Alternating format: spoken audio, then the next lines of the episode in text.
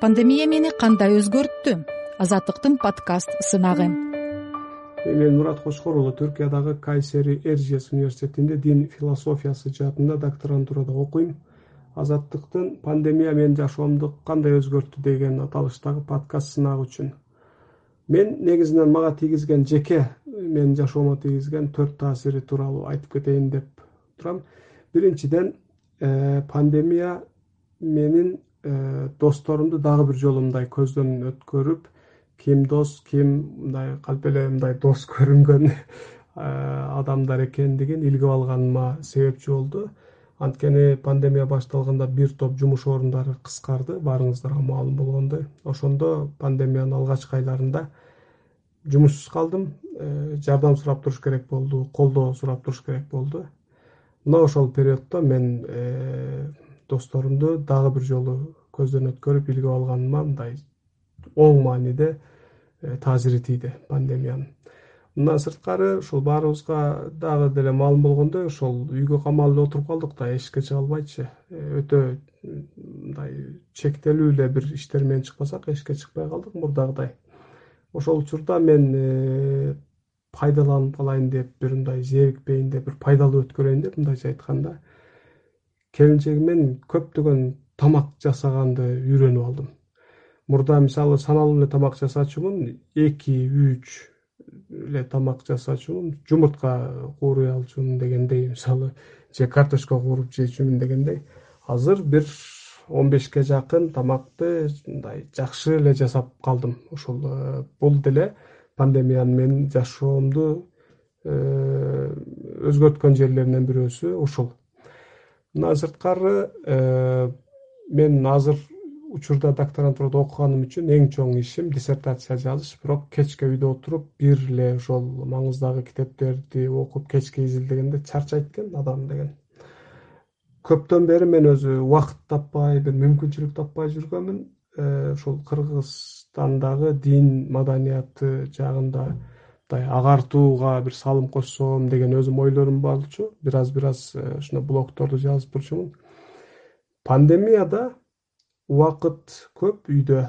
Анан бир нерсе менен алектенбей анда зеригиштүү болуп кетет эки үч нерсе менен мындай э, түрдүү түрдүү кылып алектенип туруш керек болгондугу үчүн муну мүмкүнчүлүк деп таап туруп ютуб канал ачтым.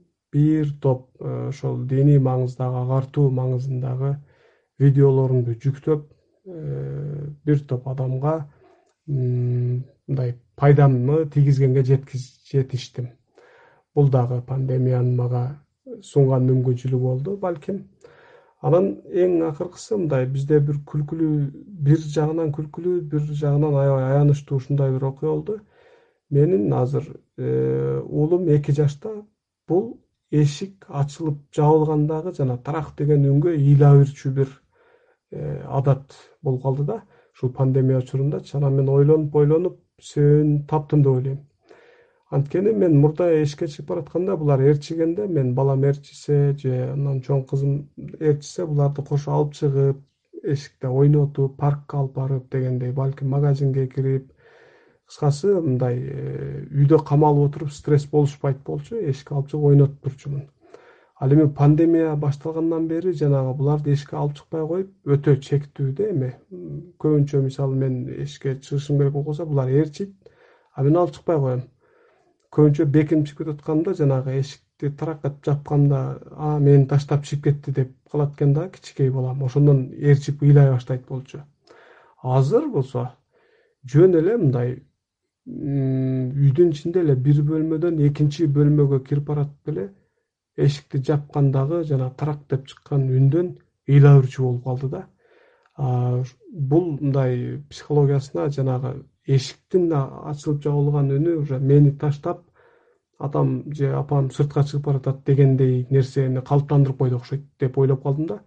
Э, бул э, вирустун ушул эшикке чыксак эми бизге вирус чыгат бул ден соолукка коркунучтуу деген туура албетте бирок монтип башка дагы таасирлери андан дагы кем калбай турганчалык коркунучтарды жаратып калган учурлар деле болот экен. Бул бизде пандемиянын мага берген э, төртүнчү бир мындай өзгөчө уникалдуу бир таасири болчу. Бирок үмүт кылам кыска убакыттын ичинде буюрса пандемия токтоп нормалдуу жашообузга өтөбүз.